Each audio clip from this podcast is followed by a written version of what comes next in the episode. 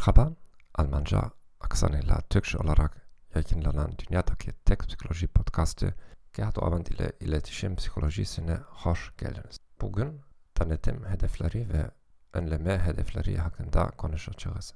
Geçen haftanın konusu gibi bu konu da iletişiminizi geliştirmek için bir disiplin geliştirmek istiyorsanız uygundur. İnsanlar hedeflere ulaşırken odaklarında farklılık gösterirler. Bazı durumlarda terfi veya kazanç odaklıdırlar. Bu onları olumlu sonuçların varlığına veya yokluğuna duyarlı hale getirir. Yakınlaşmayı stratejik bir araç olarak kullanırlar.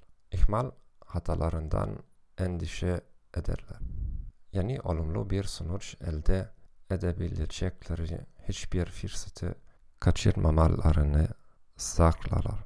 İnsanlar önlemeye odaklanırsa olumsuz sonuçların varlığına veya yokluğuna karşı duyarlı hale gelirler. Kaçınmayı stratejik bir araç olarak kullanırlar. Hatalara yol açabilecek eylemlerden kaçındıklarından emin olurlar.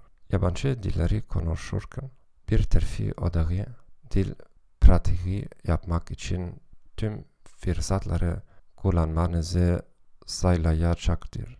Önleme hedefiyle hata yapma riski olduğundan spontane konuşmalardan kaçınırsınız. Yeterince hazır hissettiğinde sadece konuşacaksın. Patronunuzun size övmesini veya eleştiriden kaçınmayı deneyebilirsiniz. Araştırmadan ne gibi sonuçlar çıkarabiliriz? Genel olarak bir terfi odağı daha yüksek üretkenliği yol açıyor gibi görünüyor. Kronik odaklı insanları bir ya da diğer yönde motive etmek istiyorsanız, teşvikler odaklarına karşılık gelirse, insanlar nispeten daha üretken olacaktır. Önleme odaklı çalışanlar en çok güvenlik tarafından motive edilecektir. Terfi odaklı çalışanlar bir şeyler kazanarak daha fazla motive olacaklardır. Bu podcast'ı dinlediğiniz için teşekkür ederim. İyi günler dilerim ve hoşçakalın.